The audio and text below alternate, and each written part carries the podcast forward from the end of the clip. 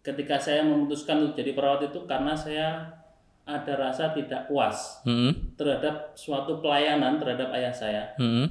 yang pada akhirnya ya kodarullah ya ayah saya ti- eh, tidak terselamatkan. Oke. Tetapi ada prosedur di situ yang membuat saya tuh, eh, it's not true but it's wrong. Oke. Ini salah loh gitu. Ya. Setelah saya pelajari ilmunya, oh ini salah. Berarti saya salah itu saya mengatakan kalau salah, saya akan mengajarkan kepada junior junior saya ini loh yang benar. Oke. Kira-kira kualifikasinya apa sih sebenarnya? Jadi kalau jadi perawat sekarang itu tidak seperti yang dulu. Perawat itu harus menjadi seorang yang profesi. Oke. Jadi profesi itu mewujudkan keprofesionalnya dengan tindakan eh, asuhan keperawatan yang se- yang sebenarnya. Nah. Jadi tuntutan saat ini itu di, di- diminta kita diminta sebagai seorang tenaga kesehatan itu tenaga yang profesional. Nah. Salah satunya adalah kita harus lulus ujian profesi. Oke. Bincang unik, makin unik, makin asik. Oke, kembali lagi di Bincang Unik, makin unik, makin asik. Oke, bersama saya eh, Cak Oti. Yang baru kali ini kita akan bahas satu fakultas lagi yang eh, dominasi wanitanya lebih besar. Terus butuh keahlian khusus karena ini mempertaruhkan nyawa ini sangat penting sekali dalam kehidupan kita. Tapi sebelumnya perlu diingat eh, podcast kali ini masih didukung dengan satu sponsor wajib yang semoga ke depan sponsornya bertambah. Untuk sponsor kali ini masih ada dengan Unique Water. Eh, teman segala aktivitasmu. Jadi ini Unique Water. Dan jangan lupa kita punya banyak media sosial yang bisa diikuti, terutama YouTube. Silahkan di-subscribe banyak-banyaknya.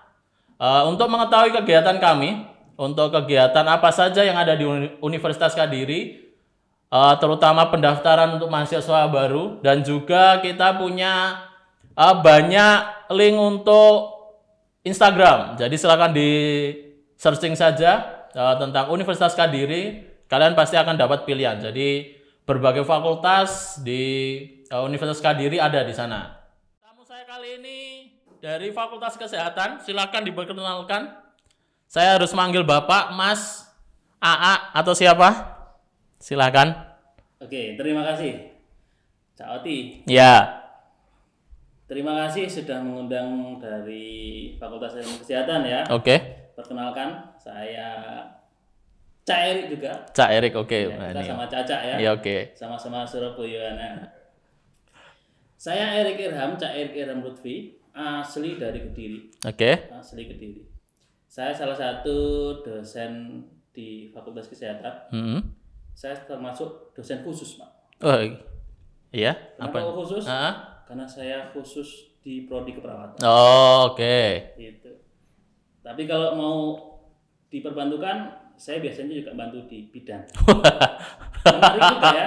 Ya, oke. Kalau Cak Oti tadi bilang banyak ceweknya. Ya. Tantangan Cak Oti. Hah? Kenapa kok ngajar cewek itu tantangan? Kenapa? Karena kita harus menjaga iman gitu. Oh, oke.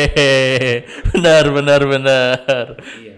Oke, gini, Cak Erik. Eh, pertanyaan saya, ini pertanyaan standar yang saya tanyakan ke semua dosen. Hmm. Kenapa memilih menjadi dosen?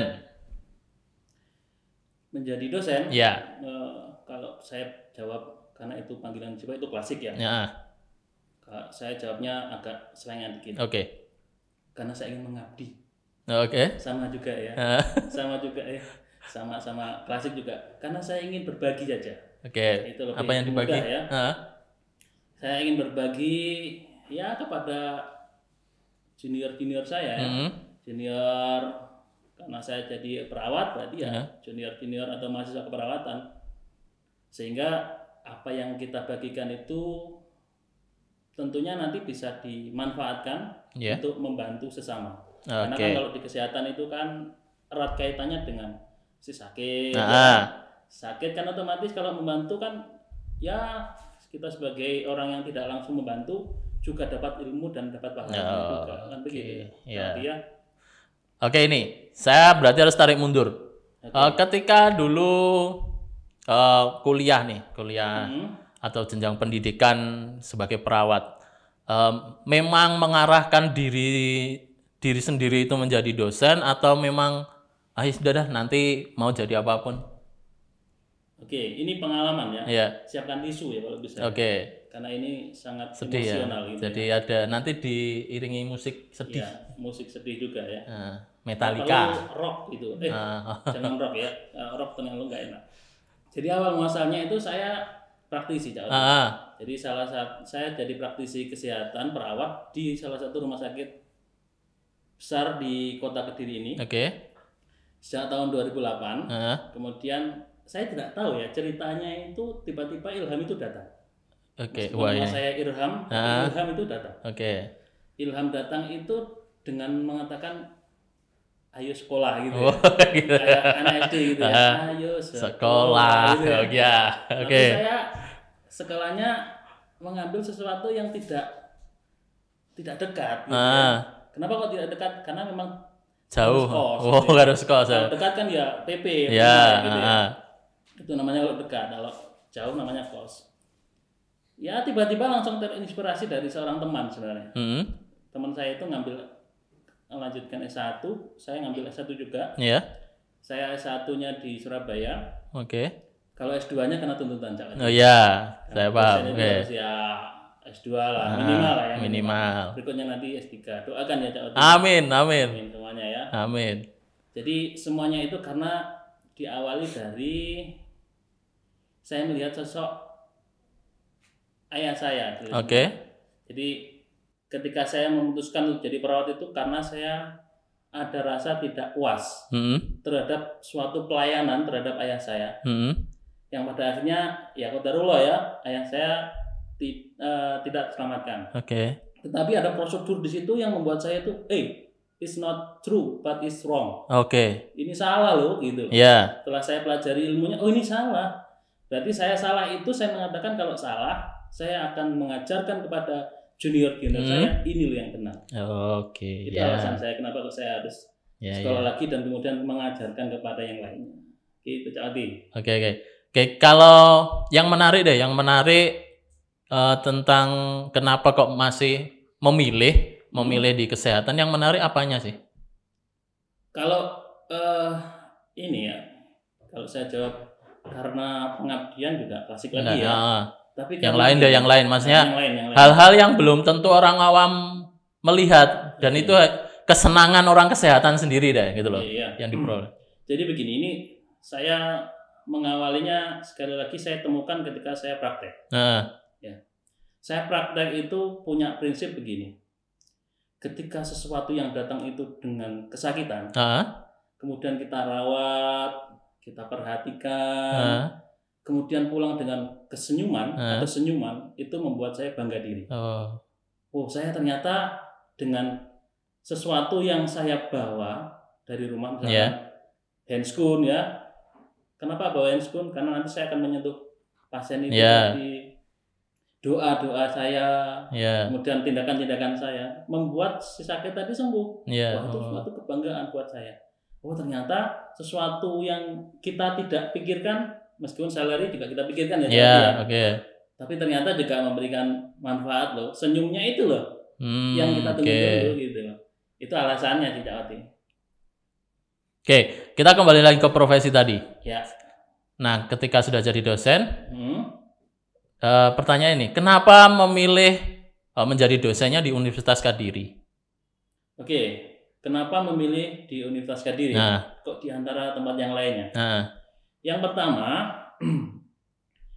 yang membawa saya itu adalah eh, salah satu tukang pos.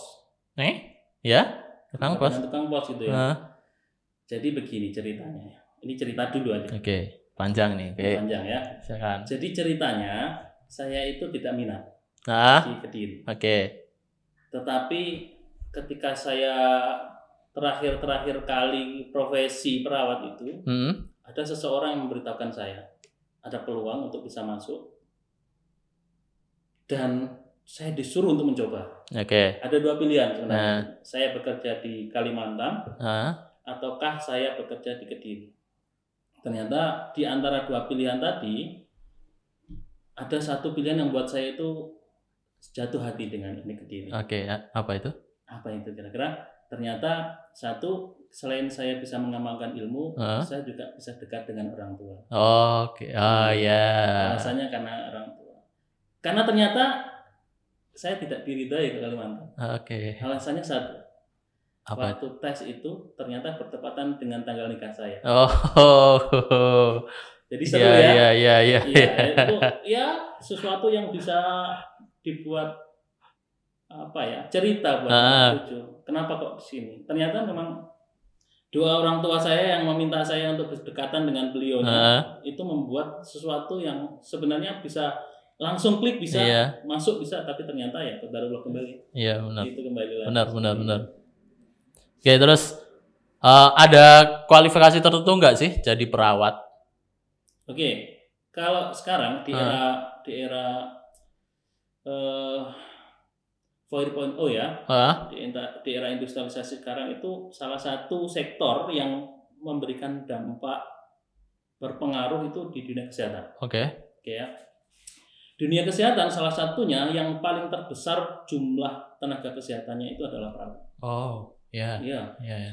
Di sektor kesehatan itu yang paling banyak itu adalah perawat. Karena perawat itu bekerja 24 jam. Nah, Mulai pagi, siang, sampai malam itu selalu ada perawatnya di situ. Iya. Mungkin kalau dokter ya hanya pagi lah ya. ya, Atau kalau visit malam gitu aja cara ya. tertentu gitu ya. Iya, tapi kalau perawat itu mulai dari pagi sampai malam itu selalu ada Iya. perawat.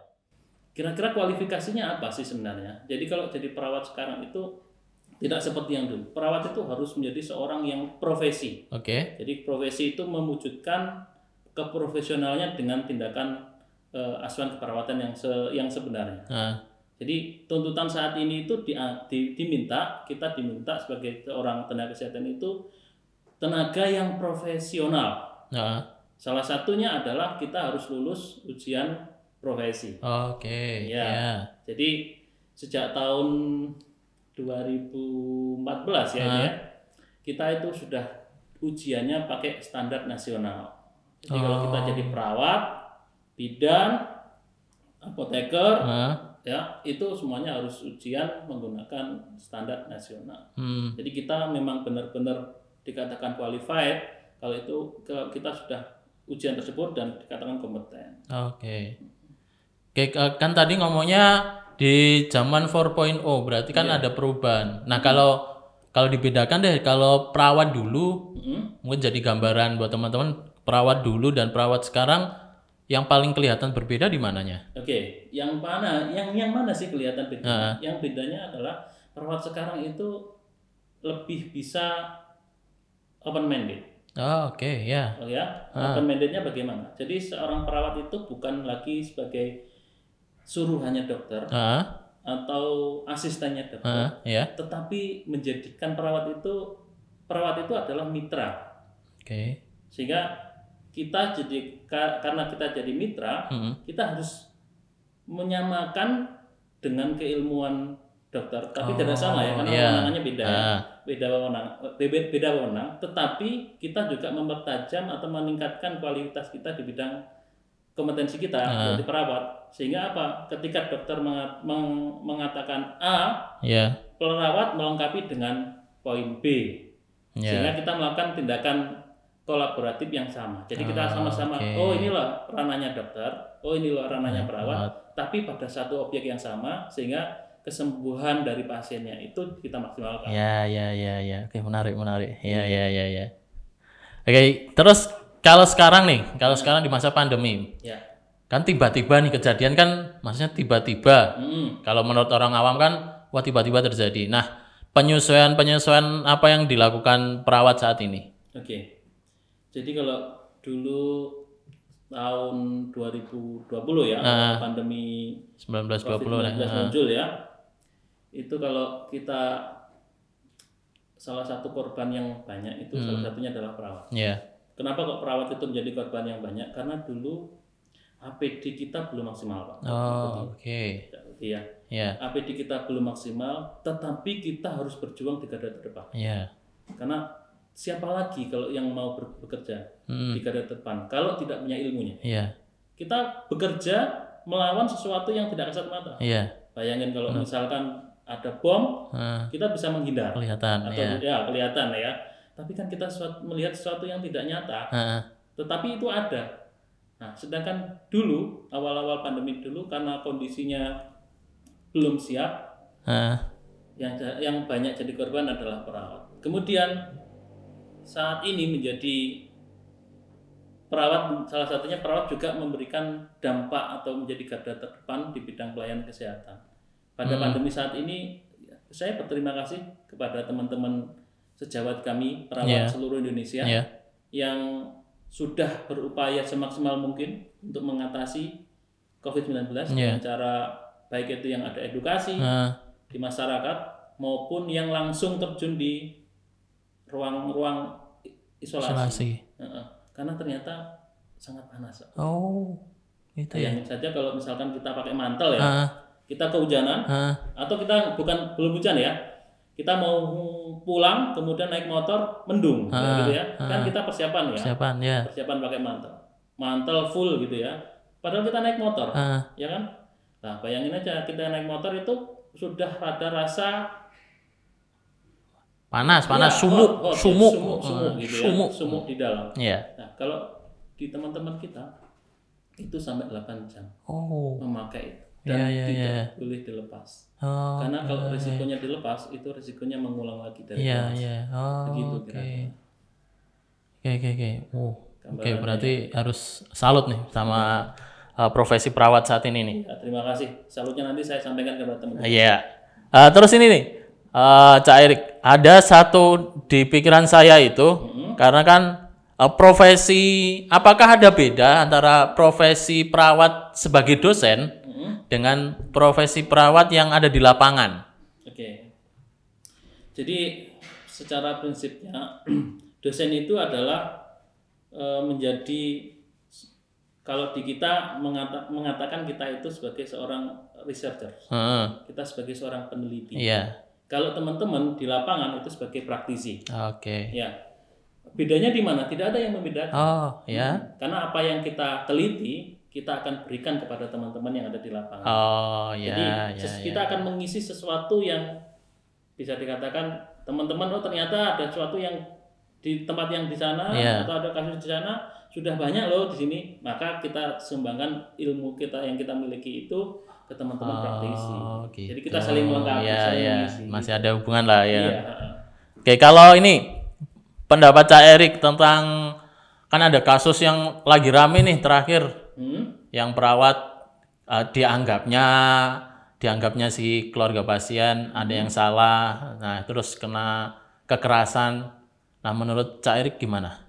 Oke, jadi ada kasus yang ada di salah satu rumah sakit swasta ya. Iya, ah. Memang kejadiannya itu terekam kamera, kemudian sampai menimbulkan trauma. iya.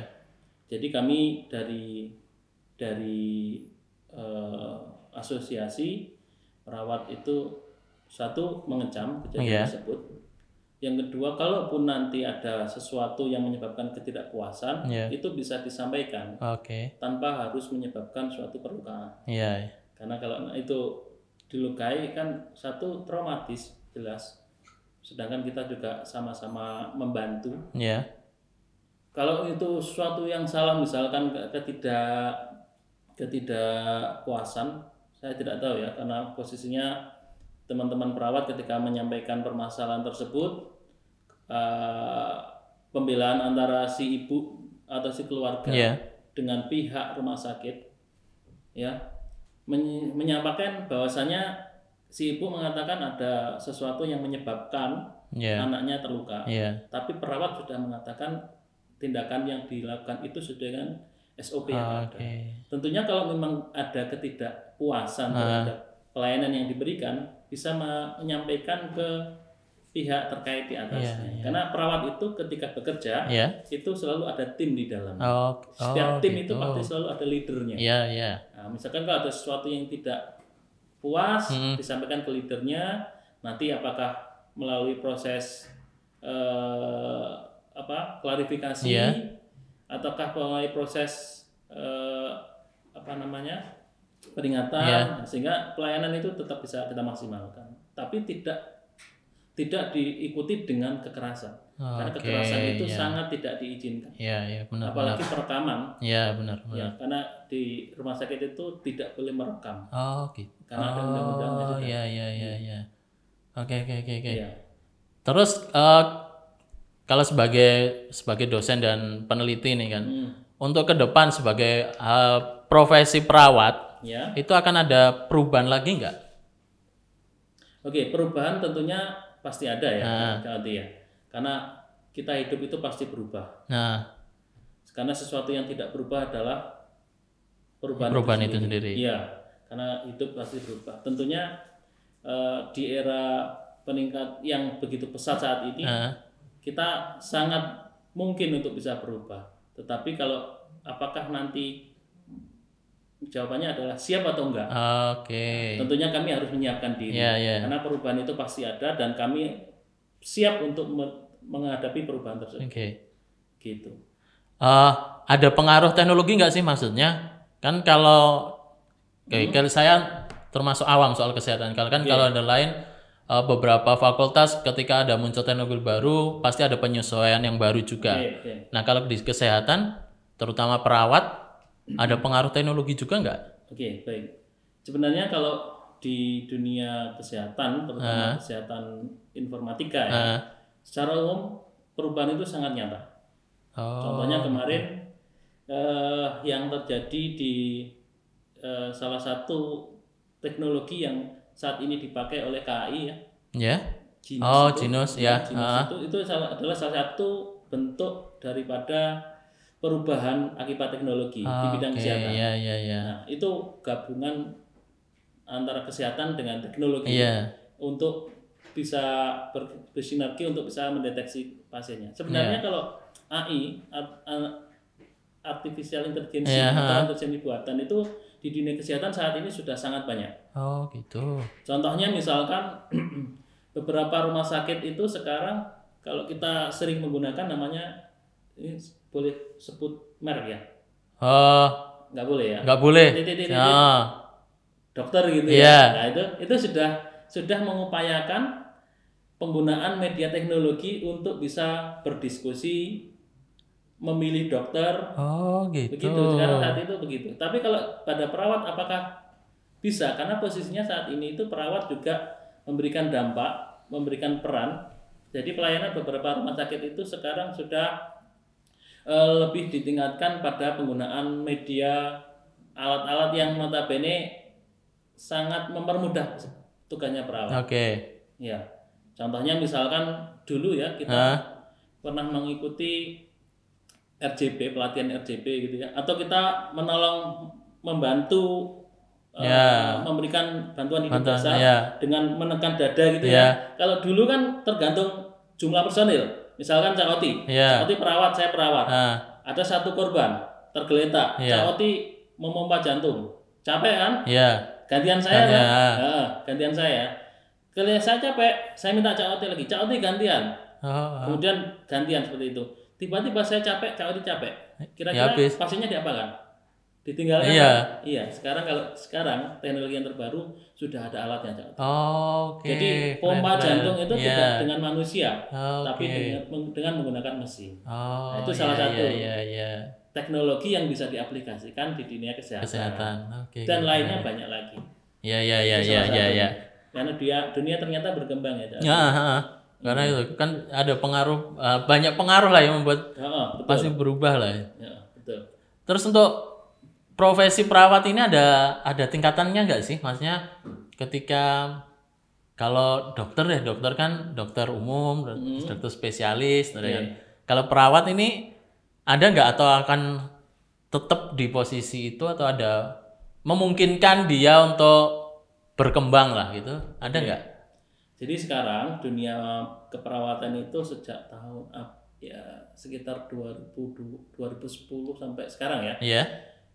Perawat itu bisa menduduki eh, jabatan sampai ke level dinas kesehatan. Oh, oke. Jadi kalau iya. dulu dinas kesehatan itu kan identik eh, di daerah ya di daerah itu identik dinas kesehatan itu selalu diisi oleh tenaga kedokteran. Ah, benar. dokter, dokter, Iya. dokter umum, dokter gigi yang tentunya beliaunya juga sudah ngambil eh, pendidikan lebih tinggi ya. Iya, ah. Nah, sekarang sekarang saat ini kepala dinas itu ada yang dijabat oleh perawat Perawat. Oh. Itu di daerah. Gitu ya, ya. ya, di daerah. Kemudian di beberapa puskesmas pun juga sekarang perawat itu juga bisa menduduki kepala puskesmas. Oh, gitu. Dulu masih berjenjang, Cak. Iya. masih berjenjang dari teman-teman dokter, Ah. teman bidan, dari sarjana kesehatan masyarakat. Nah, sekarang saat ini perawat itu sudah mulai masuk. Oke. Tentunya di level yang tinggi pun juga sama, Cak. Oh, Asalkan gitu. oke. menyesuaikan dengan pangkat dan golongan Iya. Iya, iya, iya. Gitu, Wati. Oke, oke. Oke, itu pro- eh, sedikit gambaran soal profesi perawat. Sekarang kita kita ulas sedikit soal di Fakultas Kesehatan di Universitas Kadiri. Oke. Bisa diceritakan apa toh Fakultas Kesehatan Universitas Kadiri? Hmm. Silakan. Secara singkat aja lah. Singkat ya. Ya. Ini kurang dari satu menit ya kalau bisa ya. jadi begini, jadi Fakultas Ilmu Kesehatan itu sebenarnya adalah fakultas yang termuda, Wati. Oke. Kalau dulu Unik lahir tahun 85 ya. Iya, 85. Nah, kesehatan itu Fakultas Ilmu Kesehatan itu lahir tahun 2005. Oke. Usianya 20 tahun Unik berdiri, Setengah, ya. baru kemudian Fakultas Ilmu Kesehatan itu lahir 20 Oke. tahunnya. Tetapi saat ini Fakultas Ilmu Kesehatan sel- eh, tidak menjadi anak bontot. Nah, Kenapa? Karena anak-anaknya banyak. iya. Iya, Kenapa iya. kok anak-anaknya banyak? Karena ternyata prodinya paling banyak. Oh, iya, Mungkin berkembang juga ya. Se-Jawa Timur, Jawa Timur. Iya, oh gitu. Atau se-Indonesia. Oh, oke. Ya, kita ambil Jawa Timur. Ah, Kalau kita Jawa Timur itu yang paling banyak, salah satu PTS yang paling banyak prodi kesehatannya itu ya di Universitas Kadiri, Ah. Fakultas Ilmu Kesehatan. oh. Karena ada D3 kebidanan, Ah, D4 kebidanan, oke. S1 bidan, Oke, ya. profesi bidan 4 lah ya. Ya. Perawat itu S1, kemudian perawat profesi Oke. 6, farmasi S1 Hmm. dan farmasi uh, APT itu profesi APT Ya. jadi 8. Kemudian teknik laborat medik Ya. sama elektromedik. Jadi 10 10. prodi. Oh, 10 oh. prodi. Ya, ya. Nggak ya. sombong loh Cak Oti ini Oke, ya. itu benar. Nah, nggak jangan sombong. jangan sombong. Oh. Sombong dijauhi orang. Oh, jangan iya. sombong. Oke. Cuma membanggakan diri. Iya, bener. sombong juga ya. Bisa diberi gambaran juga nggak kegiatannya kegiatannya apa saja sih yang ada di eh, Fakultas Kesehatan? Hmm. Bisa diberi gambaran nggak? Jadi biar yang saat ini mau kuliah mungkin bisa terbesit karena tahu kegiatannya yang ada di Fakultas Kesehatan. Iya. Jadi Fakultas Ilmu Kesehatan itu menggabungkan ya, Nah. menggabungkan eh, kegiatan akademik dengan praktek. Oke. Jadi kalau eh, kita dari Fakultas Ilmu Kesehatan itu selalu eh, membiasakan diri eh, apa yang kita lakukan, kita ajarkan itu dipraktekkan di ranah tempat profesi itu full eh, full dia praktek di Oh, tempat gitu. profesi. Nah, apa yang dilakukan di situ karena di kita kesehatan itu identik dengan serius Hah? tapi nyantai ya. Ya. Karena kalau serius nggak nyantai nanti takut tua. Oke. Takut tua dulu. Ya. Jadi kita serius tapi tetap nyantai. Eh, kita selalu memberikan memberikan eh, edukasi kepada mahasiswa kita Oke. bahwasanya apa yang kita rawat itu adalah sesuatu yang hidup. mm-mm. Karena Ya. sesuatu yang hidup kita harus memanusiakan apa yang kita lakukan tadi. Ya. Sehingga apa pun yang kita lakukan itu didasarkan atas mau nggak kamu dilakukan kalau kamu nanti sakit seperti itu. Ha-ha. Jadi itu yang menjadi dasar kami Oke. ketika merawat kita memberikan edukasi. Terus kemudian ketika nanti sudah praktek kita membekali mahasiswa kita dengan ilmu yang ada dengan bimbingan di lapangan. Jadi kita Oke. tidak lepas gitu. Iya. Eh kamu di rumah sakit A, B, Ah. tidak. Tapi tetap kita dampingi. Kenapa? Karena itu tetap tanggung jawab kami Oh, sebagai gitu. pihak pengelola Iya. supaya mahasiswa ketika praktek itu tidak merasa tersendiri, Mm-mm. tidak merasa sendiri. Iya. Takutkan nanti kalau sendiri dia bingung Iya. ke arah kanan atau ke arah kiri. Kalau ke arah belakang kan nggak enak ya. Iya, nggak enak. Kan yang enak kan depan. Depan. Coba mundur, maju mundur cantik kan gitu. Iya. Maju mundur kena. oh maju mundur kena gitu ya jadi tetap semuanya didampingi Iya. Ya. Oke. Kalau perkembangan-perkembangannya kan tadi 2005 ya. ya 2005 Oke, 2005 sampai sekarang 2021 kira-kira perkembangan-perkembangannya apa saja? Oke, jadi kami dulu mengawali 2005 itu ya bagaikan anak kehilangan induknya Oh, gitu. karena kita masih belajar. Iya, iya. Ya, kita masih belajar karena masih tahap belajar ya, kita belajar dari semua instansi yang ada. Ah. Kemudian kita buat sesuatu yang khusus Iya. ya, buat sesuatu yang khusus sehingga mem- mem- mem- memunculkan ke keistimewaan Fakultas Ilmu Kesehatan. Oke. Oke ya. Terutama saya yang bilang di keperawatan. Karena keperawatan itu karena kita targetnya itu yang kita layani adalah seluruh Indonesia ya.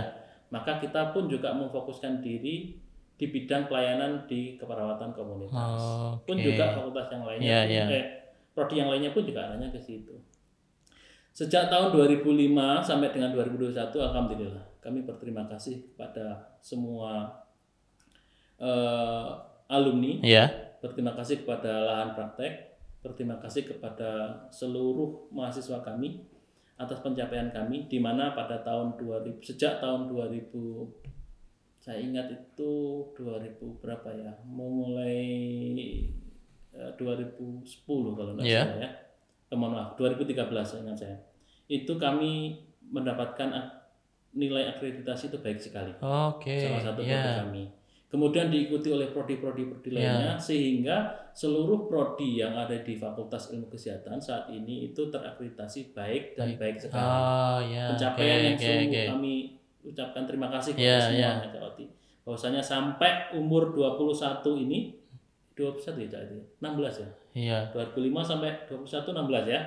16 itu prodi kami termasuk kategori baik Baik. dan baik sekali. Ah, Oke. Saya berterima kasih. Iya, iya, oke, oke, oke.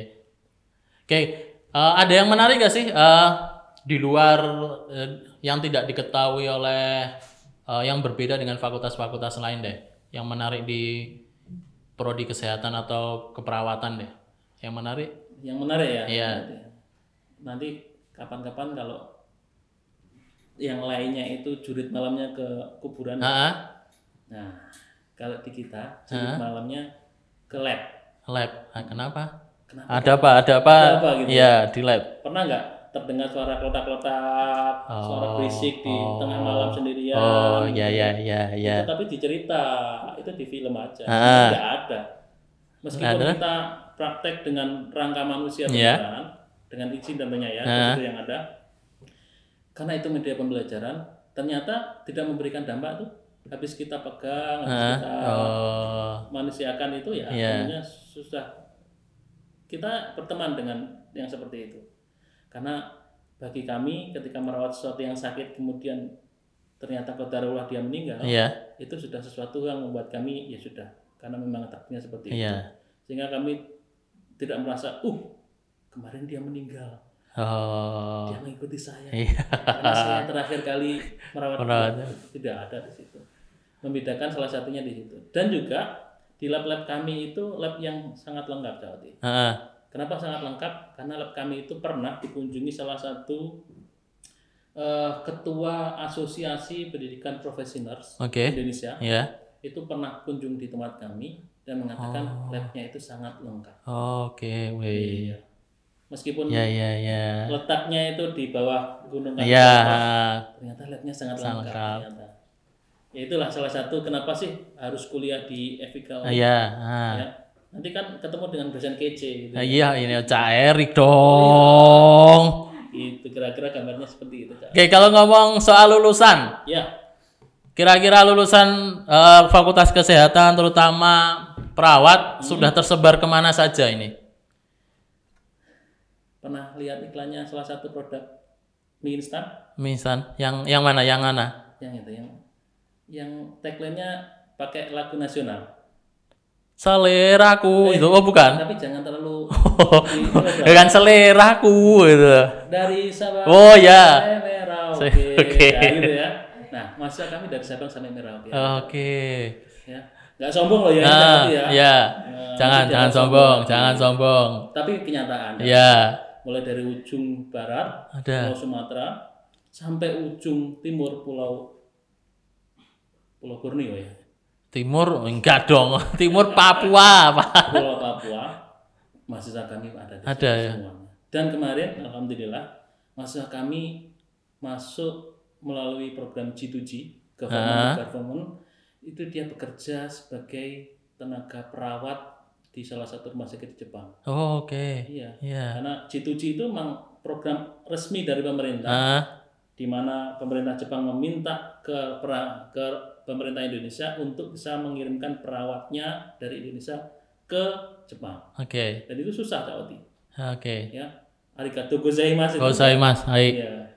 Itu susah juga ya. Iya. Itu pembelajarannya kurang lebih enam bulan. Oh, Dan alhamdulillah alumni kami ada salah satu yang sukses dan bekerja di sana. di sana. Oh, ya. Dan rumah sakit rumah sakit di Middle East lainnya. Ya, ya, ya, ya. Gitu. Oke, bahas yang soal yang Jepang tadi itu. Ah, Eh, secara khusus memang ada, memang dipersiapkan eh, untuk pencapaian-pencapaian hal itu atau memang ya itu satu dari berapa mahasiswa gitu.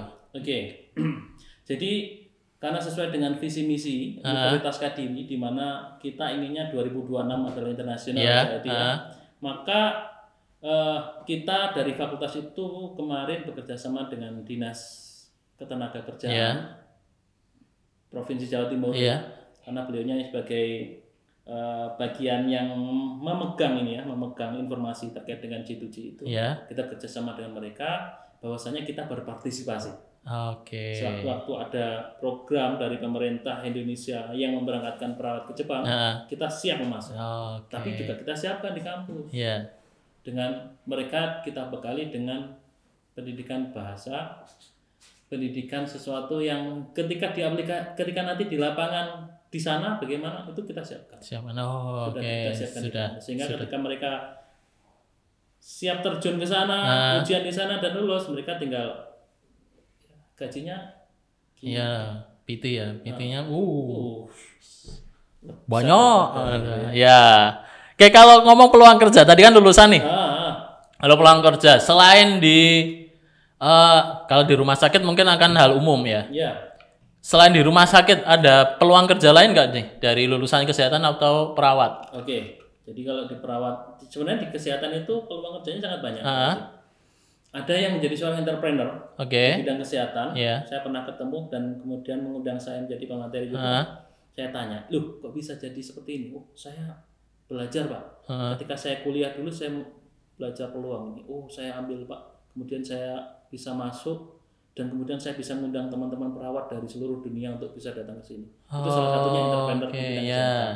Yang kedua selain di, kerja di rumah sakit ataupun puskesmas Ah. bisa menjadi kolega kami, kolega di bidang Maksudnya? pendidikan, jadi dosen juga. Oke Karena ya. saya beberapa kali itu ingat ya teman ketika saya dulu ngajar, Nah. saya ajar, tiba-tiba dia jadi teman saya waktu seminar Oh gitu ya. gitu ya ya ya ya. Di bidang pendidikan salah satunya itu. Selain juga banyak lahan lainnya yang masih bisa. Karena kalau teman-teman yang terutama laki-laki ya, yang laki-laki itu bisa mengembangkan di bidang atau di kesehatan di pertambangan. Oh gitu. Beberapa alumni kami itu sampai masuk ke SOS Jakarta. Jadi SOS itu salah satu provider Hmm. penyedia tenaga kesehatan yang khusus yang dia tingkatnya internasional sudah. Ya. Dia kerja di pertambangan dan sektor-sektor lainnya. Ya. Kemarin alumni kami sempat ya saya lihat story IG-nya ternyata dia menjadi tim kesehatan artis Oh oh sampai Seperti segitu itu, ya. Kak. Oke oke. di Jakarta sana. Iya iya iya. sampai menjadi tim kesehatannya artis untuk ketika ada kegiatan artis dia Iya. mendampingi di sana. Dampingi. Oke menarik nih. Sangat menarik sekali. Menarik. Oke untuk sebelum yang terakhir jadi Hmm. eh, ada yang disampaikan pada teman-teman yang mau kuliah di Unik eh, apa pun itu Hmm. silakan eh, agar ya yang sekarang SMA untuk melanjutkan kuliah biar menjadi lebih menarik. Oke. Jadi sebenarnya buat eh, adik-adik siswa kelas 12 Iya. yang sudah lulus ya, Ya. Jadi ya. Di Universitas Kadiri itu sekarang saat ini sudah membuka pendaftaran. Oke. Fakultas Ilmu Kesehatan pun juga saat ini membuka pendaftaran. Ya. Apabila ingin bergabung dengan kami, kami sangat membuka diri. Ya. Nanti bisa cek di salah satu eh, Instagram ataupun Iya. Facebooknya Universitas Kediri, Iya.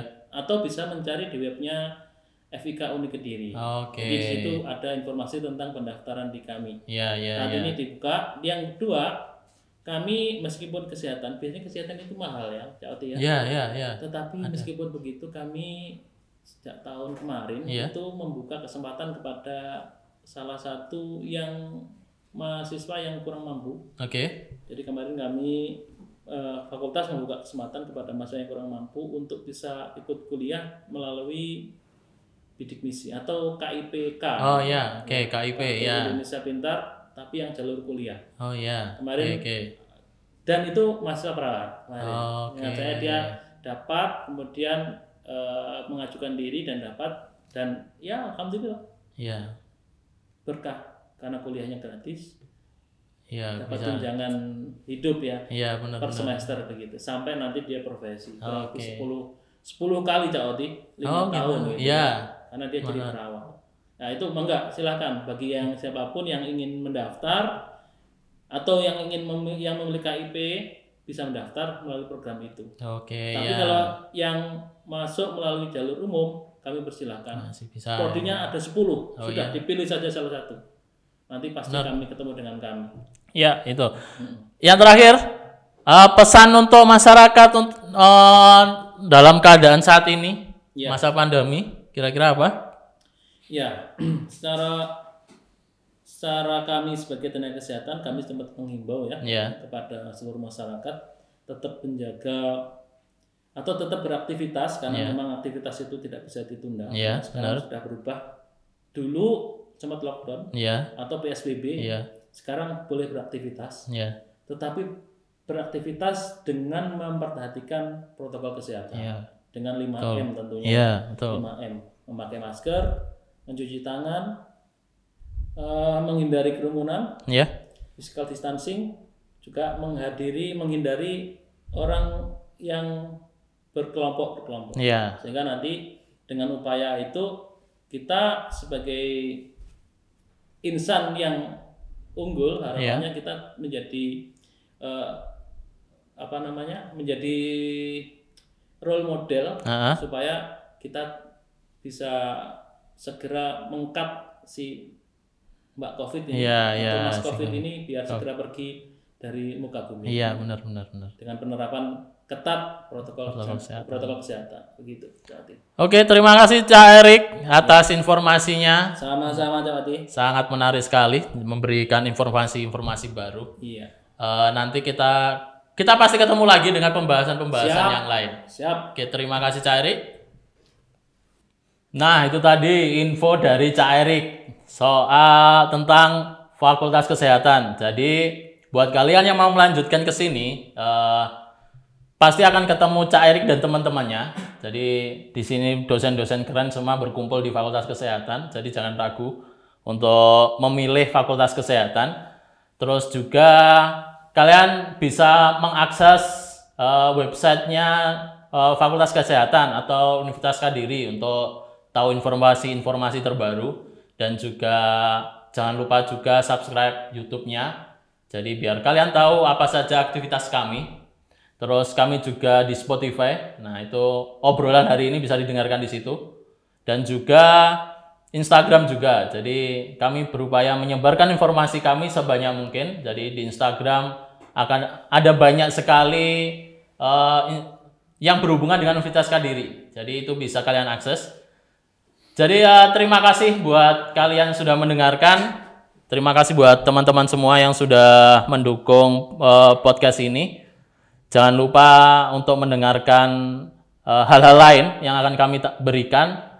Eh, sampai jumpa di podcast selanjutnya. Terima kasih. Assalamualaikum warahmatullahi wabarakatuh.